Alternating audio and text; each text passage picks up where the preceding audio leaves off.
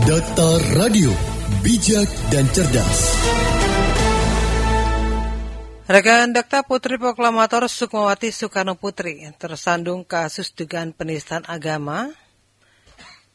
Beberapa waktu lalu kita juga sempat mengetahui persoalan yang sama, kontroversi tentang puisi Kidung Ibu Indonesia.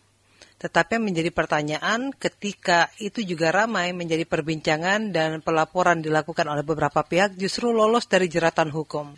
Nah, akankah kontroversi yang kembali dilakukan oleh Sukmawati Soekarno Putri dengan membandingkan antara Nabi Muhammad SAW dengan Soekarno ini bisa menjerat Sukmawati dalam proses hukum dan pihak kepolisian memberhentikan kembali apakah pihak kepolisian akhirnya memberhentikan kembali kasus tersebut.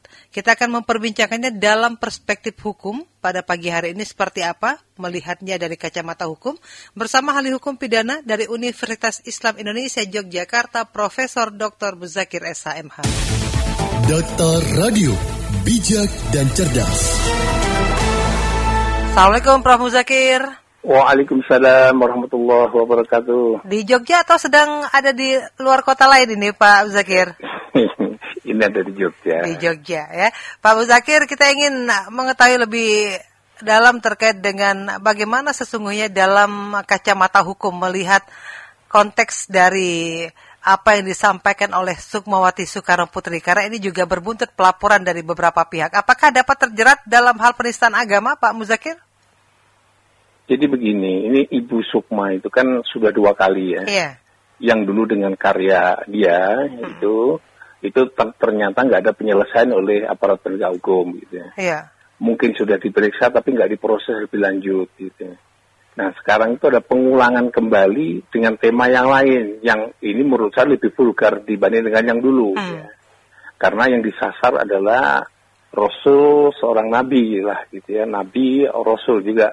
Ya, kalau dalam Islam kan Muhammad itu ya nabi ya Rasul yang itu disejajarkan dengan ayahnya. Gitu. Jadi ini agak membingungkan kita ini kalau kalau ini mestinya polisi me, me, menangkap bahwa dia dulu pernah diproses terus mengulangi lagi perbuatan yang sama gitu ya.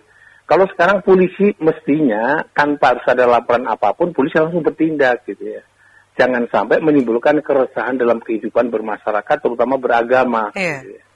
Ini mestinya polisi yang yang gesit gitu. Jadi tanpa ada laporan karena itu orang ini ini pernah ada dalam dokumen catatan kepolisian yang dulu pernah melakukan yang seperti itu tapi tidak diproses ke pengadilan gitu ya. Yang seharusnya polisi itu anggaplah ini orang berarti e, kebijakan polisi untuk tidak memproses itu salah gitu karena diabaikan dan dia melakukan perbuatan ulang kembali gitu. Ini seharusnya tanpa laporan pun polisi harus bertindak gitu. Hmm. Nah, dari apa yang disampaikan laporan dan menyusul hari ini juga ada beberapa laporan yang akan disampaikan terkait dengan uh, pidato Sukmawati. Kalau dari perspektif hukumnya, seperti apa uh, kerangkanya Pak Muzakir? Ya, kalau, kalau ini kan seperti, menurut saya seperti dulu, temanya agak sedikit berbeda. Kalau sekarang ini kan menyamakan antara Nabi dengan uh, orang tuanya atau Soekarno gitu ya ini kan sejarahnya sudah ada, jurisprudensi sudah ada. Dulu itu pernah namanya Aswendo juga sama juga seperti itu, menyamakan Nabi Muhammad dengan Mick Jagger dan sebagainya itu penyanyi-penyanyi. Pokoknya suruh membuat uh, siapa yang anda kagumi begitu saja. Iya. Ini menurut saya uh, membuat uh, menyamakan sesuatu yang mempunyai posisi kedudukan yang berbeda, itu yang menurut saya kurang tepat ya. Jadi kalau zaman dekade tahun 2020 ini siapa yang terkenal Nabi Muhammad atau uh, Soekarno gitu. Apalagi dalam konteks kemerdekaan dalam konteks Indonesia begitu.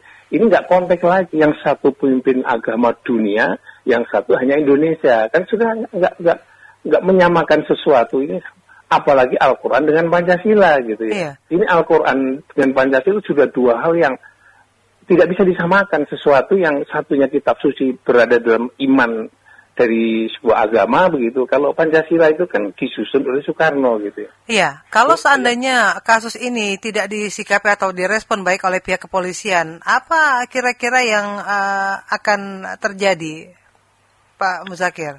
Ya ini uh, bisa menimbulkan gangguan keamanan secara berkelanjutannya karena ini menyangkut imannya yang iman dari suatu agama yang di, diikuti atau di, diakui oleh uh, apa namanya oleh negara, yakni agama Islam. Gitu ya. Seharusnya polisi tadi saya katakan untuk menghindari sesuatu dan hal yang terkait dengan reaksi terhadap Ibu Sukma ini ya sebenarnya polisi langsung segera memanggil Ibu Sukma gitu. Tanpa ada pelaporan? Tanpa ada pelaporan karena secara hukum secara hukum diperbolehkan itu Pak Muzakir. Ingat loh, dulu itu kan dia dilaporkan tapi diselesaikan secara damai oleh polisi. Iya. Nah, menyelesaikan damai itu apa yang terjadi? Polisi nggak, uh, saya minta dulu, tolong Pak Polisi dipublikasi apa yang Anda misalnya lanjut, nggak dilanjutkan itu apa alasannya? Apa kekurangan unsur atau apa dan sebagainya dijelasin. Tapi biasanya kalau orang itu diselesaikan di luar itu mesti ada komitmen dia. Kamu jangan ulangi lagi ya, gitu. Biasanya begitu. Hmm. Tapi kalau begitu mengulangi lagi seperti ini lebih lebih transparan, lebih tegas dan lebih hinaannya lebih transparan lagi itu, ya sebaiknya polisi langsung uh, panggil dia untuk diperiksa. Gitu. Jadi pihak kepolisian bisa memanggil langsung tanpa adanya pelaporan dari pihak-pihak sebelumnya tanpa ini. Tanpa ada pelaporan disebabkan karena dulunya pernah melakukan perbuatan yang sama gitu. Hmm. Ya, jadi kalau orang itu sudah pernah mencuri, ya misalnya begitu ya, mencuri kemudian didamaikan di situ diselesaikan itu, dan kemudian selesai dia tidak diproses, pasti ada dia janji kan, janjinya prinsipnya kamu jangan ulangi lagi perbuatan. Tiba-tiba mengulangi kan gitu. Jadi itu kan nggak perlu harus laporan, tangkap aja langsung. Kontroversi sudah menyeruak, Sukmawati uh, beberapa waktu lalu sudah meminta maaf terkait dengan kasus yang pertama. Apakah ini yang akan dijala yang dilakukan oleh Sukmawati kembali ketika sudah menjadi kontroversi akan eh, meminta maaf Pak Muzakir? Ya, kalau minta maaf boleh aja kalau dia kekhilafan dan sebagainya. Tapi polisi jangan jangan berhenti untuk berhenti minta maaf. Harus di sidang pengadilan, maaf itu jadikan pertimbangan untuk meringankan hukuman gitu. Iya, kalau kasus kalau yang pertama maafnya itu maafnya itu adalah sebagai dasar untuk tidak memproses polisi, menurut saya itu keliru gitu. Karena ini kata yang terakhir ini sudah berlebihan itu. Al-Qur'an disejarkan dengan Pancasila gitu ya. Iya. Kalau kasus yang pertama uh, Pak Muzakir melihatnya apa yang membuat polisi tidak melanjutkan uh, kasus dari Sukmawati ini? Padahal banyak juga pelaporan yang disampaikan oleh beberapa kalangan. Polisi mempersepsi pada saat itu adalah tidak masuk sebagai unsur karena dia bagian daripada karya seni gitu ya. Itu kira-kira begitu intinya gitu. Saya sudah sampaikan karya seni juga ada batasnya. Karya seni menghina bendera juga nggak boleh, karya seni menghina menghina lambang negara juga nggak boleh, walaupun karya seni sekalipun, gitu kan hmm. kan nggak boleh ada batasnya gitu. Kalau ini karya seni menghina ajaran agama juga nggak boleh. Bikinlah karya seni yang tak ada sentuhan dengan agama gitu ya, menyamakan antara misalnya jilbab dengan ronde, menyamakan antara azan dengan senandung, dua makna yang semuanya itu berbeda. Kalau itu dipandang sebagai karya seni, saya katakan pada saat itu bahwa kalau ini karya seni, karya seni yang kebablasan sama dengan karya seni yang menghina Pancasila juga nggak boleh juga, kan gitu. Hmm. Karya seni yang menghina lambang negara juga nggak boleh. Karya seni misalnya, dibikinlah sesuatu yang karya seni, produk karya seni tapi menghina, kan juga nggak boleh. Karya seni menghina presiden juga nggak boleh juga, kan gitu. Ada batasan karya seni sebagai ekspresi yang satu sisi yang lain, dia tidak boleh ada ranah satu lagi adalah menghina uh, agama itu juga nggak boleh. Tapi polisi nampaknya menganggapnya seperti itu terus kemudian nggak dilanjutin gitu ya. Iya, nah sekarang kalau ini lagi dipandang sebagai karya seni, rusaklah itu sistem kita, hukum kita. Menurut saya polisi sebaiknya sekarang harus memproses dan memproses sampai di pengadilan. Kalau dia meminta maaf silakan, tapi ini bagian daripada pengurangan hukuman, bukan bagian penghapusan hukuman, penghapusan penuntutan. Iya. Kalau dalam hukum uh, ancamannya berapa tahun ini Pak Muzakir? Pasal ya, pasalnya? Lebih, Ya pasalnya itu kan itu sama dengan pasal 156A gitu ya. Hmm. Ya 156A tahunnya saya agak lupa paling tidak lima tahun lebih ini. Lima tahun lebih. Ya. Nah berkaca dari uh, kasus yang pertama yang akhirnya tidak dituntaskan oleh pihak kepolisian, bagaimana Pak Muzakir melihat kasus yang sekarang ini?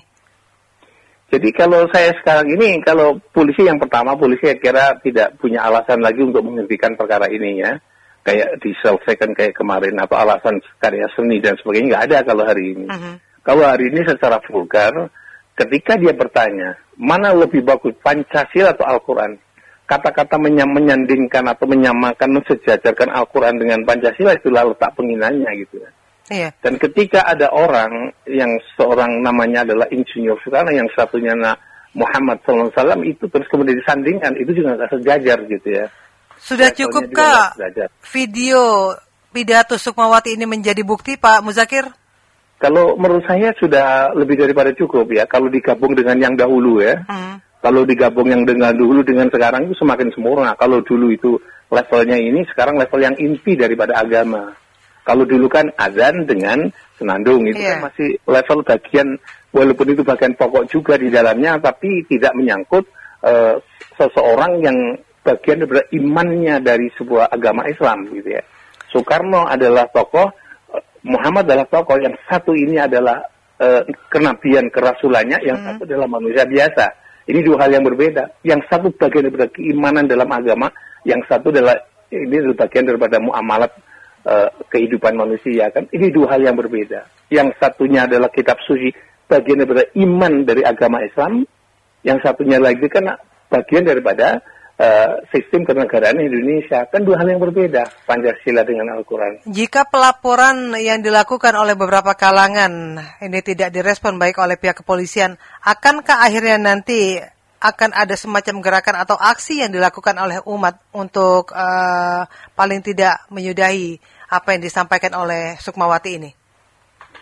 Jadi dalam teori kan begini hukum pidana itu, bahwa hukum pidana itu salah satu di antaranya melarang satu perbuatan-perbuatan yang dilarang dan larangan itu sesungguhnya itu bagian daripada uh, uh, pencelaan masyarakat terhadap perbuatan itu ya di mana ada masyarakat yang me, hukumnya melarang sesuatu itu artinya masyarakat mencela terhadap perbuatan itu hmm. Nah kalau itu dibiarkan begitu saja, ya masyarakat akan mencari jalannya sendiri yang tidak melalui proses hukum.